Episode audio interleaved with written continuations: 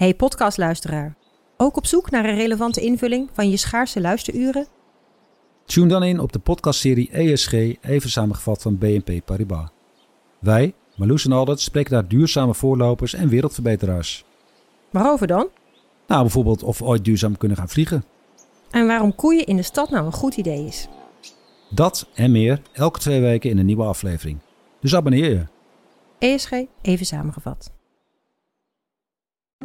Al 125 jaar kwaliteit voor jou thuis met Miele. Dat vieren we met jou. Ontvang nu tijdelijk een cashback tot 125 euro op veel Miele-apparatuur. Geniet van de kwaliteit van Miele. Voor perfect verzorgd wasgoed en kleding die veel langer mooi blijft. Voor een stralend schone vaat, even perfect als jouw diners. En een stofvrij thuis waarin echt hygiënisch schoon de standaard is. Check miele.nl voor alle feestelijke aanbiedingen.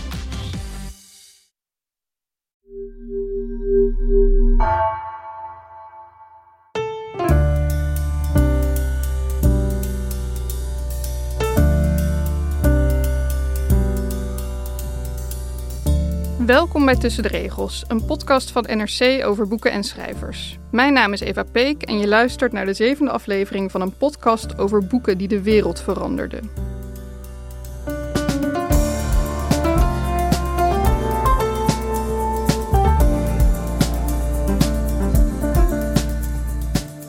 Sommige schrijvers bouwen werelden. De wereld van Frans Kafka is duister, verstikkend en vervreemdend. Een nachtmerrie waarin het individu in een web van onzekerheid en obstructie tevergeefs naar houvast zoekt. In het proces, het boek dat we vandaag bespreken, wordt het leven van de hoofdpersoon Jozef K. plotseling verstoord wanneer twee mannen hem in zijn appartement arresteren. Zonder te begrijpen wat de aanklacht is, raakt Jozef gevangen in een ondoorgrondelijk rechtssysteem. In Kafka's romans vecht de angstige mens tegen een onbetrouwbare en onzichtbare autoriteit. De thematiek en de dreigende sfeer in zijn romans zijn zo kenmerkend dat zijn naam een bijvoeglijk naamwoord werd: Kafkaesk. Maar betekent dat nog iets of is het inmiddels een hol cliché? En wat hebben we er vandaag aan om het proces te lezen? Ik bespreek het met Michel Krielaars, onze reguliere presentator die deze aflevering één stoel is opgeschoven, en schrijver Arnold Grunberg. Welkom allebei.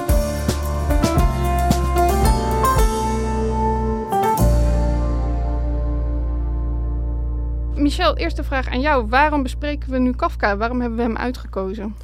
Nou, omdat we het eigenlijk op de redactie, het proces, toch een heel bijzonder boek vinden in de wereldliteratuur.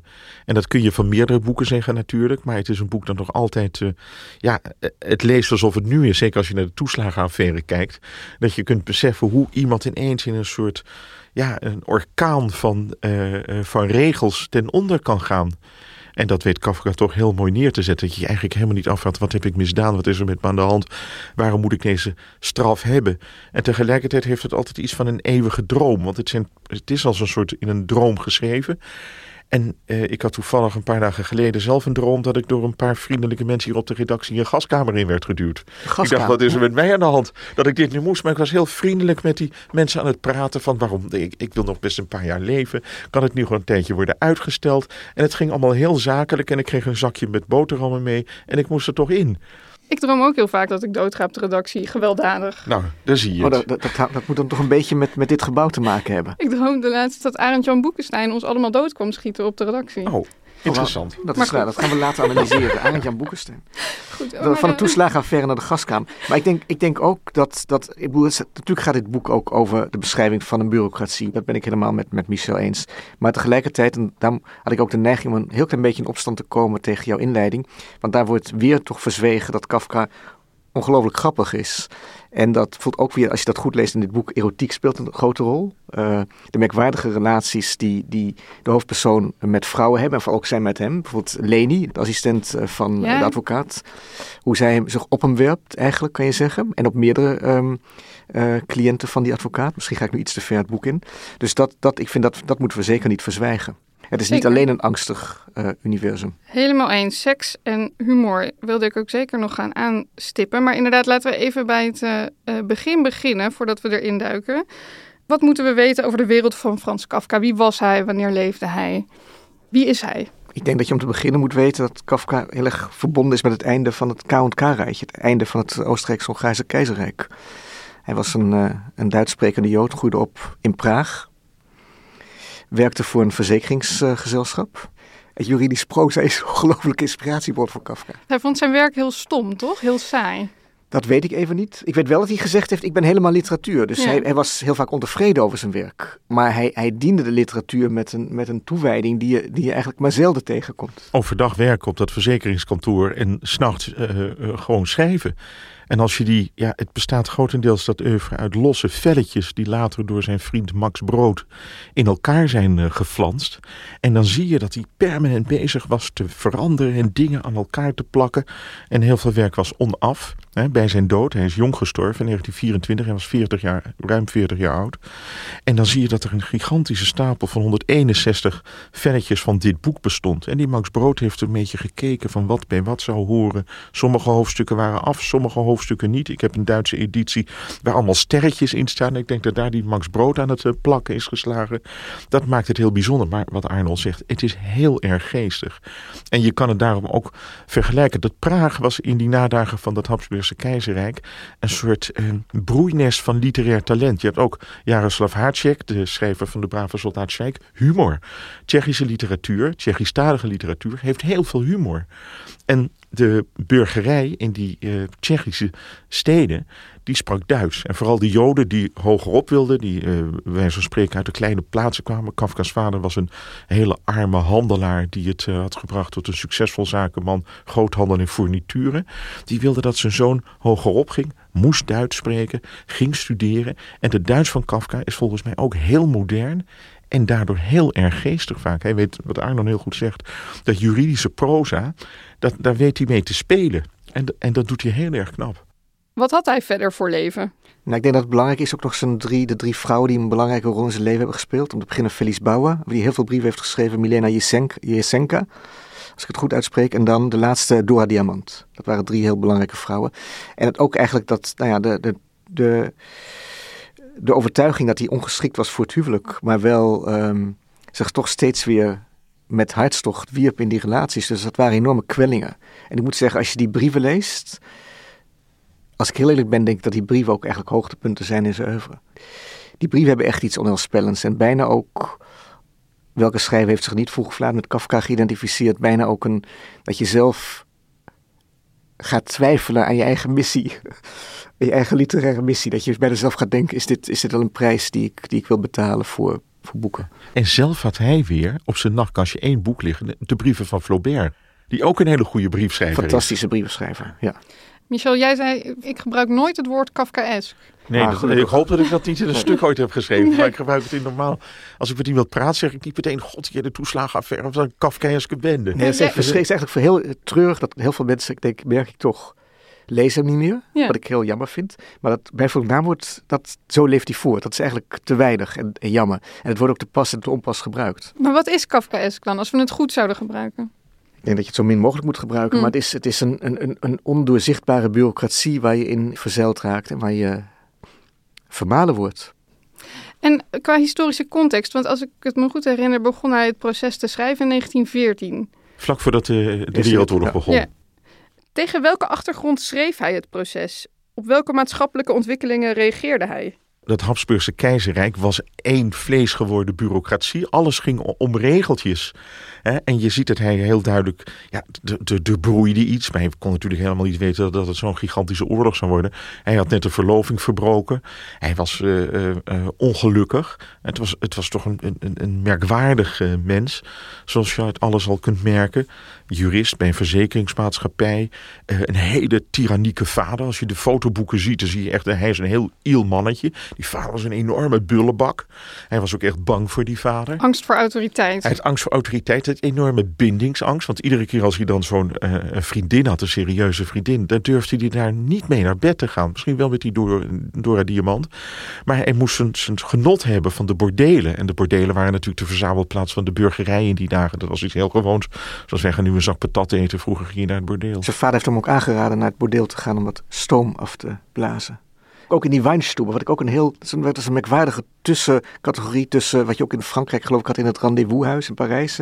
Dus niet echt een bordeel, maar ook weer niet helemaal een café. Dus daar kon je dan meisjes veelal oppikken die, die uit een lagere klasse waren.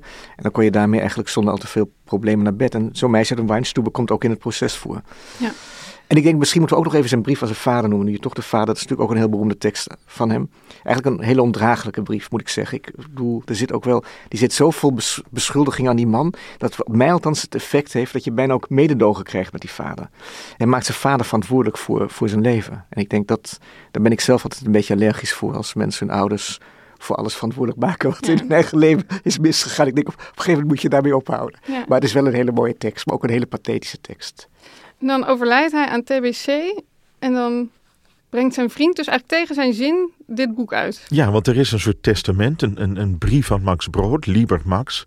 En dan zegt hij dat alles wat, wat Max Brood in zijn bureau zal aantreffen of in de lade in zijn kamer, dat al die manuscripten verbrand moeten worden. Ja, terwijl- ik heb het hierbij, want er staat, Frans schreef, allerbeste Max, mijn laatste verzoek, alles wat zich in mijn nalatenschap, dus in de boekenkast, de wastafel, schrijftafel, thuis en op kantoor, of waar ook maar iets naartoe kan zijn gebracht en je opvalt, aan dagboeken, manuscripten, brieven van anderen en mijzelf, tekenwerk enzovoort bevindt, volledig en ongelezen te verbranden, net als al het geschreven of getekende dat jij of anderen, die jij uit mijn naam om moet vragen, hebben. Geloof jij dat? Dat hij dat meent? Daar zijn heel veel theorieën over. Hè? Kundera, Milan Kundera heeft, heeft eh, daar ook een Inverrade Testament, een hele mooie essaybundel over geschreven. En, en eigenlijk, ik geloof de theorie die, zoals ik die heb gelezen, is toch dat, dat ergens Frans ook hoopte, Kafka hoopte dat, dat niet alles zou worden verbrand. En misschien is het ook wel aardig te beseffen dat Max Brood in die tijd de bero- beroemder was dan Kafka. Max Brood was een, was een succesvolle eh, schrijver in Praag in die tijd. Ja. Dus, en nu is hij, is hij eigenlijk overgeleverd als de bezorger van de, Gemankeerde Ja. bezorger. En hij, hij net op tijd voordat Ja. de Tweede Wereldoorlog is. Hij was een Zionist, dus hij is naar Ja. Palestina vertrokken en daar hoogleraar geworden. En was echt de schatbewaker van Kafka's nalatenschap. Ik heb nog even opgeteld wat Kafka voor zijn dood allemaal had gepubliceerd. Negen vertellingen. En die waren heel goed besproken overal. Ja. Thomas Mann was een groot bewonderaar. Robert Moeziel. Die zagen echt, dit is een groot schrijver. Hij Ja. had dus al een reputatie. Het is helemaal niet zo dat het pas daarna is geboren. 350 bladzijden van het oeuvre is in druk verschenen. Met dagboeken en aantekeningen kom je op 3400 bladzijden en 1500 brieven die dus in al die laadjes lagen. En daar is Max Brood mee gaan, eh, gaan aan de spelen. slag gegaan. Ja. Ja. Maar hij verkocht niet heel goed. Hè? Nee. Hij was succesvol, maar hij verkocht. eh wat, dat is een aardige anekdote. Dat is iemand van Hubert in de Frankfurt Allgemeine. Die heeft uitgerekend dat eh, Kafka tijdens zijn leven ongeveer één boek per week verkocht. En een halve eeuw later verschenen er gemiddeld twee boeken per week over hem. Dat vond ik ook wel heel veel zeggend over hoe je kan zien hoe dat. Hoe die Kafka-industrie Ja. eigenlijk uit de klauwen is gegroeid na zijn, na zijn eh, dood. en misschien is het nog aardig, nog één ding wat ik ook wel belangrijk vind om op te merken, want voor mij is dat een, ook een hoogtepunt in het boek. Er is natuurlijk één fragment in het boek wat gepubliceerd is tijdens zijn leven, dat is voor de wet. Dat staat in dat eh, hoofdstuk eh, dat, dat de hoofdpersoon Jozef K. naar de Dom gaat en daar wordt rondgedaan, geestelijk ontmoet. En dat is eigenlijk een van de int- meest intrigerende tekstpassages, vind ik, in dit, in het boek, waar je eindeloos over kunt praten. En ik hoop dat dat ook niet eindeloos, maar wel gaan doen. Ja, laten we naar het boek gaan inderdaad. Dan kunnen we er allemaal induiken. Ik heb net al heel snel even die samenvatting gegeven, maar kan het iets uitgebreider? Wat, wat gebeurt er in het boek? Hoe is het opgebouwd? Eh, welke personages komen erin voor? Ar- Arno, volgens mij heb jij het altijd het helderst voor de geest op dit moment. Nou, het begint. Het, kijk, Jo- Jozef K. is in het begin. Is hij dan, hij wordt thuis, wordt hij gearresteerd. Maar eigenlijk is, het, is er ook geen sprake van een echte arrestatie. Hè? Dat Nee. is denk ik toch wel heel belangrijk om dat eh, te beseffen. En hij zit dan nog in het. Hij, is een, eigenlijk een, hij heeft een hospita, mevrouw Groebach. En dan komt het meisje voorbij, hoe heet ze? Ehm Burstner. Beursner, Beursner, die ook een licht erotische rol speelt. Ehm, en de bewakers gaan ook de kamer van mevrouw Beursner binnen. Hè, wat, wat natuurlijk heel erg ongepast is. Of de bewakers, de mensen die hem komen arresteren. Want die werken trouwens eigenlijk bij zijn bank, hè?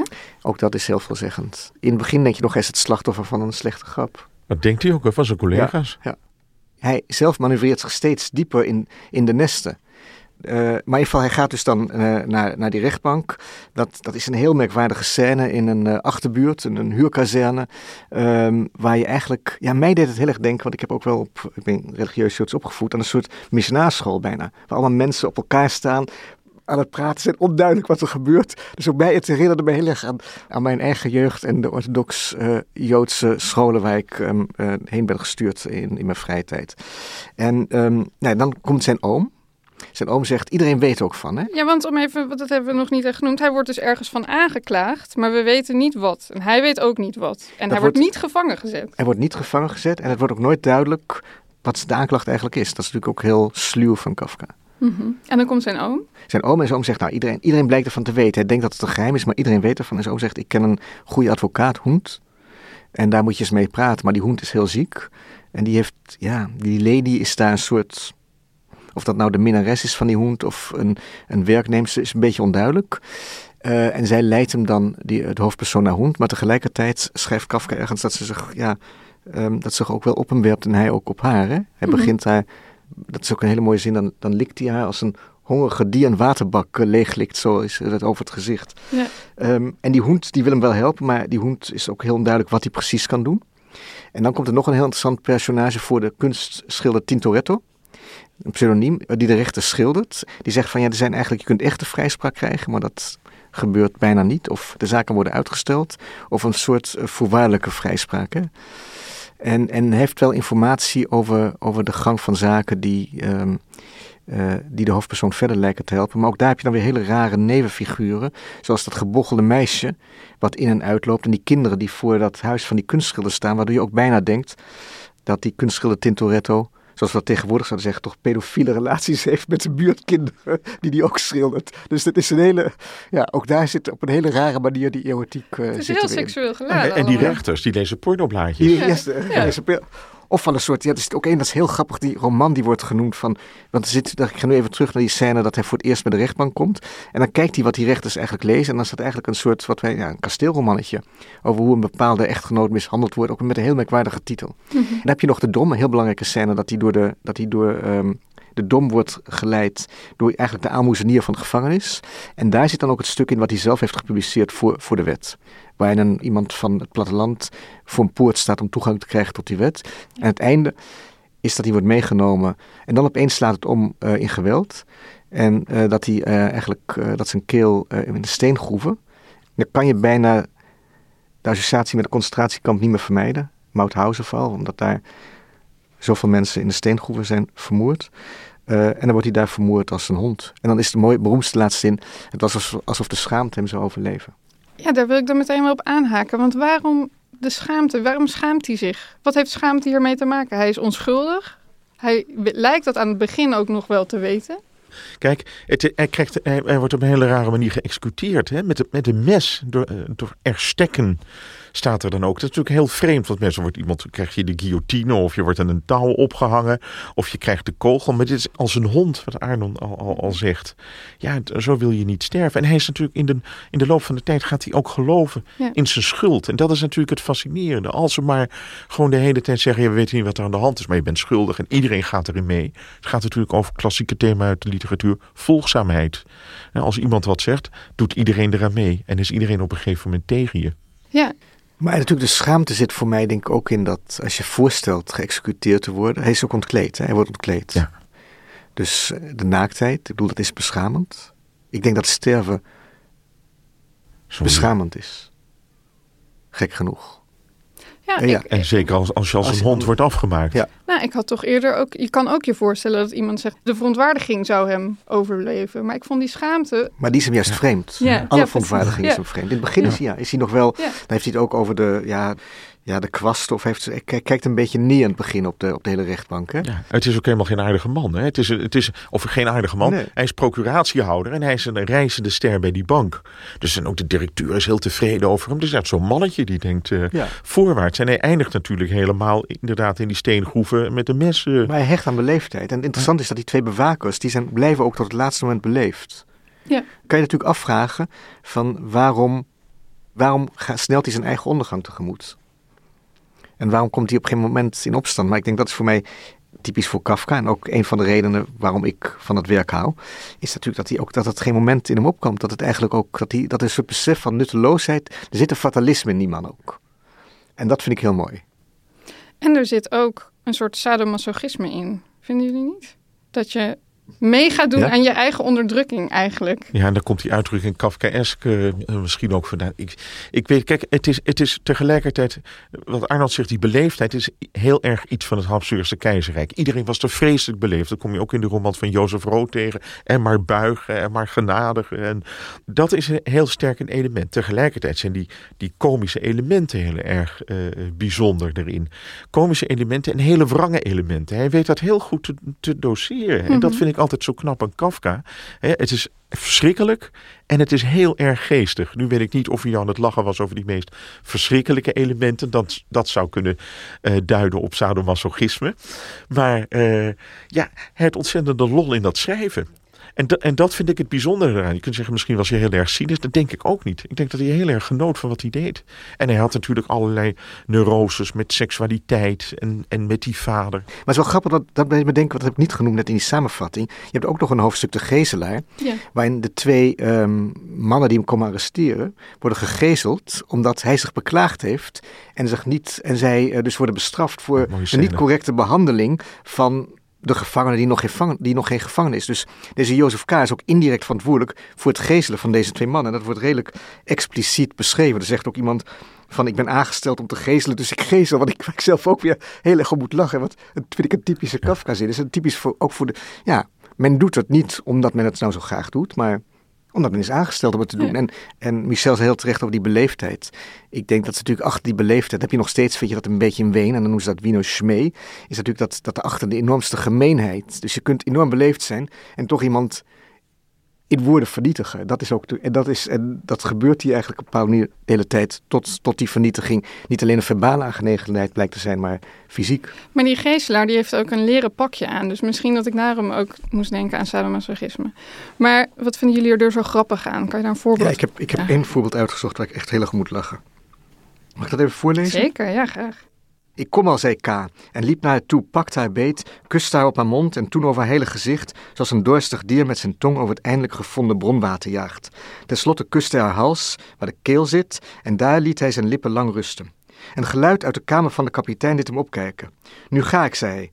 Hij wilde juffrouw Beurstener bij haar voornaam noemen, maar die wist hij niet. En dat laatste vind ik, daar moet ik ongelooflijk om lachen. Na die scène, dan beseft hij opeens, hoe heet juffrouw? Dus het was, ja, dat, dat, maar dat, maar dat is, en dan bre- brengt mij weer bij die brave soldaat Schweik. Want dit zijn ook passages Ja. die je bij die, die Tsjechisch-talige auteurs tegenkomt. Ja. En dat maakt het, Jozef Rood heeft dat niet. Weet je, het is volgens mij echt iets wat in die wereld van de Praag onder die Habsburgers geschreven is. Ja. En je kunt natuurlijk van allerlei theorieën erop loslaten.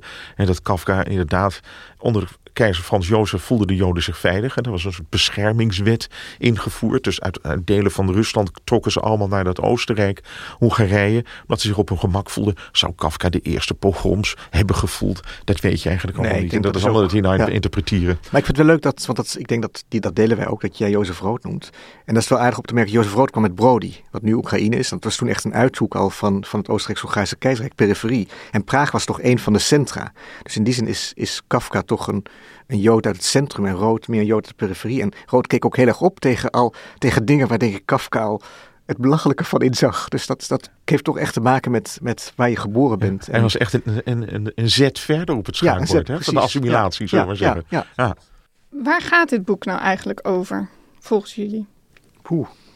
Ja, kijk, het- wat, wat Ja. ik zelf heel erg leuk vond, is dat Kafka na de voltooiing van zijn rechtenstudie in 1906 een jaar op een rechtbank heeft gewerkt. Dan moest je als volontair, moest je daar dienen van de staat. En dan mocht je een juridische functie vervullen. Ik denk dat hij heeft willen laten zien hoe die wereld van zo'n rechtspraak uitpakt. Met al die regeltjes die hij zelf natuurlijk had geleerd op die rechtbank. Ik wil eens laten zien hoe iemand er helemaal aan ten onder kan gaan. Hoe je formale kunt worden.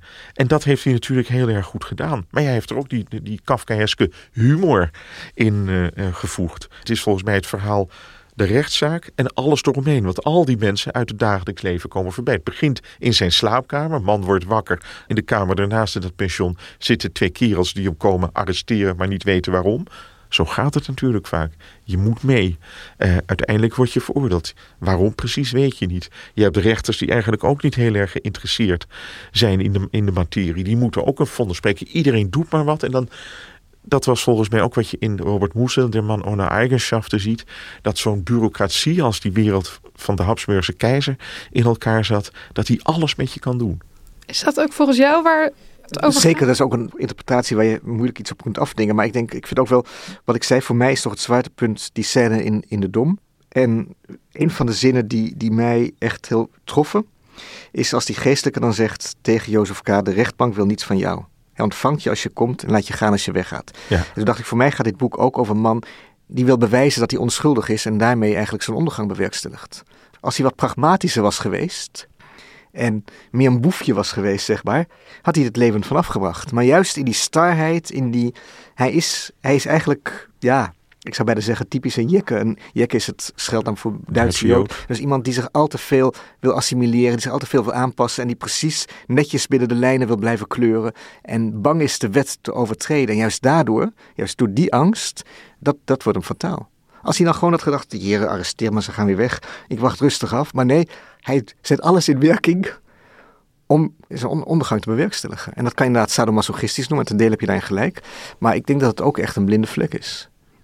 Van die man. En dat, dat Kafka dat, dat bewust of onbewust heel goed zag. En dat dat wel typisch iets is wat hij zelf daar in Praag moet hebben geobserveerd bij, bij zijn vrienden, zijn familieleden, zijn buren. In die zin ook misschien een overdreven vertrouwen in de. Dat zegt hij, dat zegt hij het begin ook van, ja, maar ik kan, ik, we leven in een rechtsstaat. Ja, precies, dat zegt hij, ja. Hij is naïef. ja. Maar inderdaad, ik had ook heel erg de indruk toen ik het weer las. Als hij gewoon eh, niks had gedaan, dan was er niks aan de hand geweest. Er wordt ook wel gezegd dat het eigenlijk, een, omdat het zo gek is dat hij niet wordt vastgezet en omdat er zulke rare dingen gebeuren, dat het eigenlijk een soort nachtmerrie is, een soort droom. Dat is misschien een beetje een saaie interpretatie. Dat vind ik eigenlijk, ik vind zo- zodra dromen Dat maakt het met jou is, maar ik vind dromen in boeken ook altijd, eigenlijk bijna altijd saai. Het is wat ik zei, dat, dat, dat je zelf af en toe een droom hebt. Dat vind ik ook het aardige van het lezen. Je stapt erin. En het is allemaal zo onwezenlijk. Hè. Dromen kunnen vaak ook heel onwezenlijk zijn. Ja. En dat heeft die Jozef K. in dat boek ook. Die, die, zit in, die wordt gearresteerd. Die, wat jij zegt, er is helemaal geen echte rechtszaal. Hij gaat naar een of andere achterbuurt in een flat. Dan komt hij de tweede keer. Dan is hij te vroeg. Hè. Ja. Dan is, hij- en dan is de vrouw van de rechter. Die is er dan wel. En die begint dan te vertellen dat er een soort verbouwing gaande is. Ja, maar die bespringt hem volgens mij ook op een Ja. gegeven moment. Dus wat, Heel veel dat- vrouwen bespringen hem ook. Ja, laten we het daar eens even over Ja. hebben. Wat, wat is die rol van die vrouwen die hem de hele tijd bespringen? Of waar hij probeert zijn... Ja, wat probeert hij bij hen te vinden? Of wat zij bij hem? Zij bij hem eh, vooral. Hij heeft vooral die, dat meisje in de Weinstube, die verder, behalve dat in het nagelaten Elsa. fragment Elsa, Ja. komt ze in dit boek eigenlijk niet echt voor. Eh, dus ik denk dat het moet ook wel, die Jozef K. is ongetwijfeld een aantrekkelijke man. Ja, hij was zelf natuurlijk ook een mooie Hij was zelf een mooie, ja, absoluut. Dus, ehm, dus zij zien wel iets in hem. Ja. Maar het is allemaal, het is wel een duister soort erotiek, ja. Maar daardoor ook eigenlijk des te spannender. Ehm, en het is ook vaak transactioneel, hè. Via mij kan, zegt dat ene meisje, dan eh, kan je dichter bij de advocaat komen. En er zit altijd wel een soort, het is nooit, het is altijd meer dan, dan de erotiek zelf. Het is ook Nou ja. geen echte intimiteit. Het is eh, sowieso in die Nee, wereld het, is een beetje, het is een beetje hoerenseks. En dat is natuurlijk ook als je naar zijn biografie kijkt. Voor zijn lusten ging hij naar het bordeel. En in die relaties met Dora Diamant en die Felicie Bouw was het altijd al heel moeizaam. Alsof hij het vies vond heel, en eng vond. Mhm. Alsof hij dacht van als ik dat doe, dan ben ik helemaal, dan kom ik niet meer weg. Ja. In dit boek eigenlijk de, de diepste intimiteit is de moord. Ja, Verder is er eigenlijk geen intimiteit. Hij is ook een man zonder intimiteit. ja. En dat lees je in die brief en dat lees je eigenlijk in het hele Ja, ik, ik had het over Jozef K. Misschien is Kafka zelf Ja, ook nee, ook. Ja, ik, denk, maar durf- ik denk dat, dat het, nou ja, zoals bij veel schrijvers, je ziet heel veel van de persoon. Ja. Dat, dat gooit hij er gewoon in. En daar speelt hij mee. En dat, dat is ook zo leuk, want juist omdat er zoveel over hem geschreven is. En we hebben altijd het beeld het, hè, dat, dat- met die bolhoed. En we weten hoe die vrouwen eruit zagen. Je kunt dus heel veel invullen bij zo'n boek. En het is natuurlijk een fascinerend leven geweest. En het is een fascinerende tijd. Want het Habsburgse keizerrijk was iets heel bijzonders. En zeker dat wat erna volgde, die paar jaar ook nog. Michel, jij zei dat eh, Arnon eigenlijk de Nederlandse Kafka is. Nou, kijk, ik heb eh, Arnold's meeste boeken gelezen. Dan denk je dat je er iets in herkent.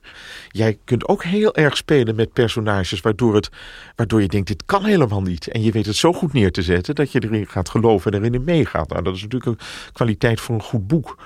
En eh, nou ja, het- de, de, eenzame mens in die krankzinnige wereld om hem heen. Die krankzinnigheid kan hij heel goed neerzetten. Dat kun jij ook heel goed. Dus daarom is hij voor mij de Nederlandse kaffer. Maar eigenlijk is hij gewoon de, is hij Gunberg. Ja, ja, ja, Dat, vind ik, bedoel, is natuurlijk ook een compliment. Maar daar, wat ik wel, en dat, dat wordt me ook wel eens verweten. Ik hou heel erg van die passiviteit. Of een schijnbare passiviteit. Want het is best wel moeilijk om echt in opstand te komen. Je bent toch geneigd om heel lang te denken, nou, ik doe, als mij dit wordt gezegd, waarom niet? Ik bedoel, en ik zie het ook, ik vlieg best wel veel, je ziet het ook op Schiphol gebeuren. Ik, dat valt me altijd weer op, dat nou, als, als dan zegt, nu moet u allemaal daarin gaan. Is niemand die zegt, daar ga ik niet heen. Of iemand zegt, nu nog dit uit, wilt u dit nog uittrekken? Ik heb wel eens gedacht, als het, als het moet, staan we allemaal in onze onderbroek. Als dat wordt gezegd, je denkt, zo kan ik mijn vliegtuig halen, waarom niet? Ik zou het ook doen. Dus in die zin ben je, stapje voor stapje ga je toch mee. En het moment dat je zegt van nee, dat komt bijna bijna niet. En ik vind dat ook heel begrijpelijk en mooi. En ook eigenlijk op een rare manier ook ontroerend. Maar is het passiviteit of is het gewoon meegaandheid? Want we hadden het er net over dat als uh, Jozef K. gewoon niks had gedaan, echt passief was geweest, dat er dan ook niks was gebeurd. Het is mhm. juist die meegaandheid meer misschien dan passiviteit. Ja, als hij had kunnen leven met zijn eigen schuld, was er niets gebeurd. Maar dat is een van de lezingen, kan je zeggen, is dat hij niet kan leven met, met schuld. Ja. Hij wil, moet bewijzen dat hij onschuldig is en dat wordt hem fataal. Maar is hij onschuldig eigenlijk? Nou, ik denk het wel. Kijk, het is misschien ook wel heel erg christelijk, hè? De schuld. Dat is ja. die christelijke samenleving waarin we zitten. Iedereen is altijd ergens aan schuldig. In mij bekroop het gevoel halverwege het boek. Misschien heeft hij toch iets gedaan wat hij toch wel weet zelf. Of hij gaat het in ieder geval zelf geloven. De bank opgelicht waar hij werkt. Dus Iedereen heeft wel iets voor. gedaan, toch? Precies. Dat, ja. dat ja. Is, ja, ieder, ja. De erfzonde, hè? Waar, ik, waar ik nog, nog altijd niet van begrijp wat het precies voorstelt. dat ze van de boom van de kennis hebben gegeten. Dat is het, geloof ik. Ja. Maar ik denk dat is ook wel een, een inzicht natuurlijk dat in de samenleving, wij zijn allemaal min of meer zo. In, in de hele opvoeding, het hele schoolsysteem, het kantorensysteem, er zit een enorme gedweeheid. Als ik hier binnenkom en de bewaker zegt van Michel Krielaas is er vandaag niet, dan zeg ik niet, dat kan niet. Ik zei, dat zei ik net, ik ga wel weer naar huis. Ik, wil u niet langer ophouden. Nee, dus je bent, je, er zit ook die beleving. Nee, je denkt toch, het zou mijn fout zijn. Ik wil, ik wil hier niet het, het systeem verstoren. Ehm, ik ga wel weer. Dus er zit, dat zit gewoon heel erg nog steeds in ons. Natuurlijk zijn er, zit, er zijn ook mensen, maar ik, ja, is van zo ben ik ook opgevoed. Van dat je, je gaat niet schreeuwen en stennis maken. Je houdt je je gaat wel weer naar huis. Maar dan wil ik nog wel even teruggaan naar die, die parallellen die worden getrokken tussen, hè, tussen Hitler en, en Stalin. Ik heb toevallig gisteren een stukje uit het, het uh, einde van de Rode Mens van Svetlana Alexievich herlezen. Daarin wordt ook iemand gearresteerd in die, tijdens die grote terreur van Stalin. En dan konden ze ineens bij je aanbellen. En dan was je van niets bewust. En dan moest je mee. Ja. En een enkele keer was je verraden. Maar meestal dacht je, dan zal ik wel wat misdaan hebben. Er komt dus een man in voor en die zegt... ja, ze hebben me gearresteerd. Ik kreeg tien jaar gulag. Ik zal wel wat misdaan hebben wat de leider niet uh, beviel. En dat is natuurlijk het gekke wat hier toch met een autoritaire staat. Hè, je kan het altijd een beetje uh, transponeren naar de moderne tijd. Zo werkt het vaak. Bij Hitler was het, ja, je moest Jood zijn, communist of uh, weet ik veel wat, verzetstrijder. Dan kon je worden opgepakt. Maar de gewone Duitser niet meer onderstaan. En kon echt iedereen worden opgepakt. En heeft Kafka dan eigenlijk het potentieel in die bureaucratieën en zo gezien toen? Want de terreurstaat bestond natuurlijk helemaal nog niet toen. Dus nee, dan zijn we bijna weer bij George Steiner, de filosoof die dat, en Willem van Toorn terecht zegt, daar moeten we, dat is een beetje een te makkelijke kijk of te eenduidige kijk op deze tekst. Maar wat ik ook zei, soms kan je er bijna niet, niet aan denken. Nee. Je had wel geen politie onder, de, onder keizer Frans Jozef. Ja, maar toch niet die manier waarop Stalin Tegen nationalisten gericht en vrijheidsstrijders. Ja, en het kantoorleven is ook al onderdrukkend en erg genoeg zonder dat het allemaal eindigt in gulagkampen. Ja, dus die, precies. Die bureaucratie bestaat natuurlijk nog. Nou ja, we begonnen met, met de toeslagenaffaire, maar die bestaat op heel veel manieren ook buiten die affaire nog steeds, ook hier. En waarbij iedereen, dat is natuurlijk dat is wat hij echt heel goed, en ik denk ook door het werk voor die verzekeringsmaatschappij, wat hij heel goed heeft gezien. En waar trouwens nog steeds over wordt gesproken nu in de gezondheidszorg, dat iedereen voor zijn eigen, nee, de ene dokter is verantwoordelijk voor de hand en de andere voor de knie, maar niemand is meer verantwoordelijk voor het geheel. En dan hebben we het over de gezondheidszorg. En zo zie je dat natuurlijk in de bureaucratie, is per definitie, iedereen heeft zijn eigen loketje. Dat is het wezen van een bureaucratie. En daarbuiten is iedereen bang of niemand durft enige verantwoordelijkheid te nemen, want dat gaat buiten de bevoegdheid. Zo werkt het. Ja. Dat zei die lieve meneer ook beneden. Ik zou u wel binnen willen laten, maar het mag niet. Was het echt zo erg? Nee, ja. Ja. Wat is uh, de invloed van Kafka geweest? Waar zien we, als we het hebben over boeken die invloed hebben gehad, dingen hebben veranderd? Ja, overal. Ik denk Beckett is ook zonder Kafka niet, uh, niet denkbaar. Maar noem nog eens een paar. Philip Roth, Sol ja. Bello, uh, ja, maar Coetzee, die je heel noemde. Zeker Coetzee, maar ook Hermans eigenlijk. Ja, dat is ook een groot liefhebber van Kafka. En wat hebben ze daar dan uitgehaald? Kijk, die, die, die hele middenklasse zoals wij dat nu kennen is eigenlijk vrij nieuw. Hè? Die bestond nog niet zo lang. En alle, dat waren, dus is enorm in de 19e eeuw is, is Europa ontzettend veranderd door uh, de techniek die opkwam, de industrialisatie, et cetera, et cetera. En door nieuwe natiestaten, die allemaal enorme bureaucratieën met zich meebrachten. Uh, en daarbinnen hebben mensen een, een, een functie en, en, en is die individualiteit of die uniciteit, voor zover die al bestond en bestaat, is, is wordt teruggebracht tot iets heel bazaals dat, dat voelde hij, dat hoe belangrijk dat zou zijn. En daarnaast is hij natuurlijk een ontzettend goed stylist. En dat heeft navolging gehad ook. Ja, ook juist, ik bedoel dat juridische proza, wat natuurlijk ook heel aangenaam is, is dat het niet die, het is geen natuurlyriek, het, heeft geen, het, is, het is heel zakelijk en concreet. En juist daarom zo goed leesbaar nog steeds. Wat betekent hij voor jullie nu? Heel veel. Een hele, go hele goede schrijver. En het is wat ja. Arno zegt over die brieven. Die zijn fascinerend voor je eigen introspectie, zullen we maar zeggen. Je, ja. je kan iedere keer er weer een nieuw idee uit opdoen. Je kunt denken van verdomme, zo, zo sta ik er ook over. Ik moet dit doen. Het is bijna een soort medisch recept aan antipsychotisch middel, bij wijze van spreken. Maar ik denk ook dat je met name, minder de romans, maar met name de tekst die je gepubliceerd heeft tijdens zijn leven, dat je die kan blijven lezen en daarover kan, interpreteren, kan blijven interpreteren. Dus Kafka is voor mij ook een uitnodiging om heel goed te lezen. Kan je daar nog wat meer over vertellen? Nou, en oh, ik, voel, ik moet zeggen dat mijn kennismaking met Kafka begon met die verwandeling, metamorfose, dus waarin Gregor Samsa ontwaakt als een reusachtig insect. En dat was voor mij zo'n ontdekking, echt net zoals ik dat had met Hermans en met een aantal andere schrijvers, dat ik dacht, dat dit kan. Ik ben dat ook. Ik, je gaat je, zou je doen? Het is een soort identificatie met dat je denkt, oh maar de, ik ben helemaal niet alleen in bepaalde fantasieën of in bepaalde angsten of in bepaalde droombeelden. Dat, dat, dat was Kafka voor mij toen als, als tiener. En nu nog steeds, ik bedoel, Kafka was absoluut geen heilige, geen profeet. Maar hij heeft wel ook filosofische teksten geschreven die blijvend interessant zijn. Bijvoorbeeld een van zijn favoriete uitspraken is dat de Messias altijd één dag te laat zal komen voor mij. Als hij niet meer nodig is. En de andere, dat heeft hij ook, ben ik gezegd aan brood, wat ik ook heel graag citeer, is dat hij zegt, krijgt hij de vraag, is er hoop? En dan zegt Kafka, er is hoop, heel veel hoop. Maar niet voor ons dat is voor mij nog altijd een manier, een, een, een sleutel hoe je het leven kan staan. Hmm. Iemand die Kafka helemaal niet heeft gelezen, waarom zou die nu het proces moeten gaan lezen? Nou, ik denk dat je heel veel literatuur niet goed kan begrijpen zonder Kafka. Er zit Kafka in heel veel boeken. En dat je dan beter weet. Dat je eigenlijk gewoon, ja, net als dat ik denk van ook al ben je gelovig, niet gelovig, ik zou de Bijbel, stukken Bijbel lezen. Dus je begrijpt gewoon meer van je eigen cultuur. En je mist essentiële delen, denk ik, zonder Kafka. En je kan nog een beetje lachen. En je kan nog een beetje lachen. Ja, dat, dat, is een beetje ondergesteld. Ja, je kan heel erg lachen. Ja, je kan, ja, ook om jezelf. Ja. Doe, dankzij Kafka. Ja, nee, ja. Houdt je, een goede schrijver houdt zijn lezer een spiegel voor. Het is een soort, uh, ja wat is het? Het is geen psychoanalyse. Maar het is wel heel goed verklaard. Kafka heeft duidelijk Freud gelezen. Die was in die tijd toch ook al in, in opkomst. De hele moderne cultuur komt in deze roman terug. Ja, het is echt de schrijver van de moderniteit. Ja, en je begrijpt dat al die andere goede schrijvers in de wereld hem als voorbeeld hebben.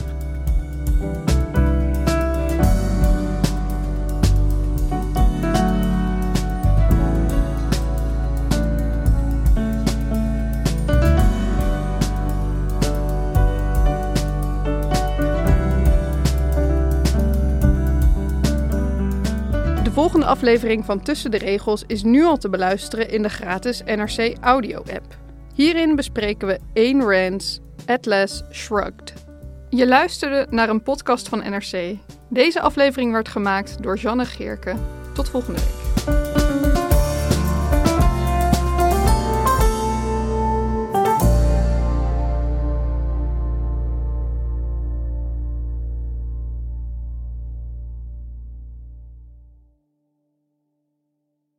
Technologie lijkt tegenwoordig het antwoord op iedere uitdaging.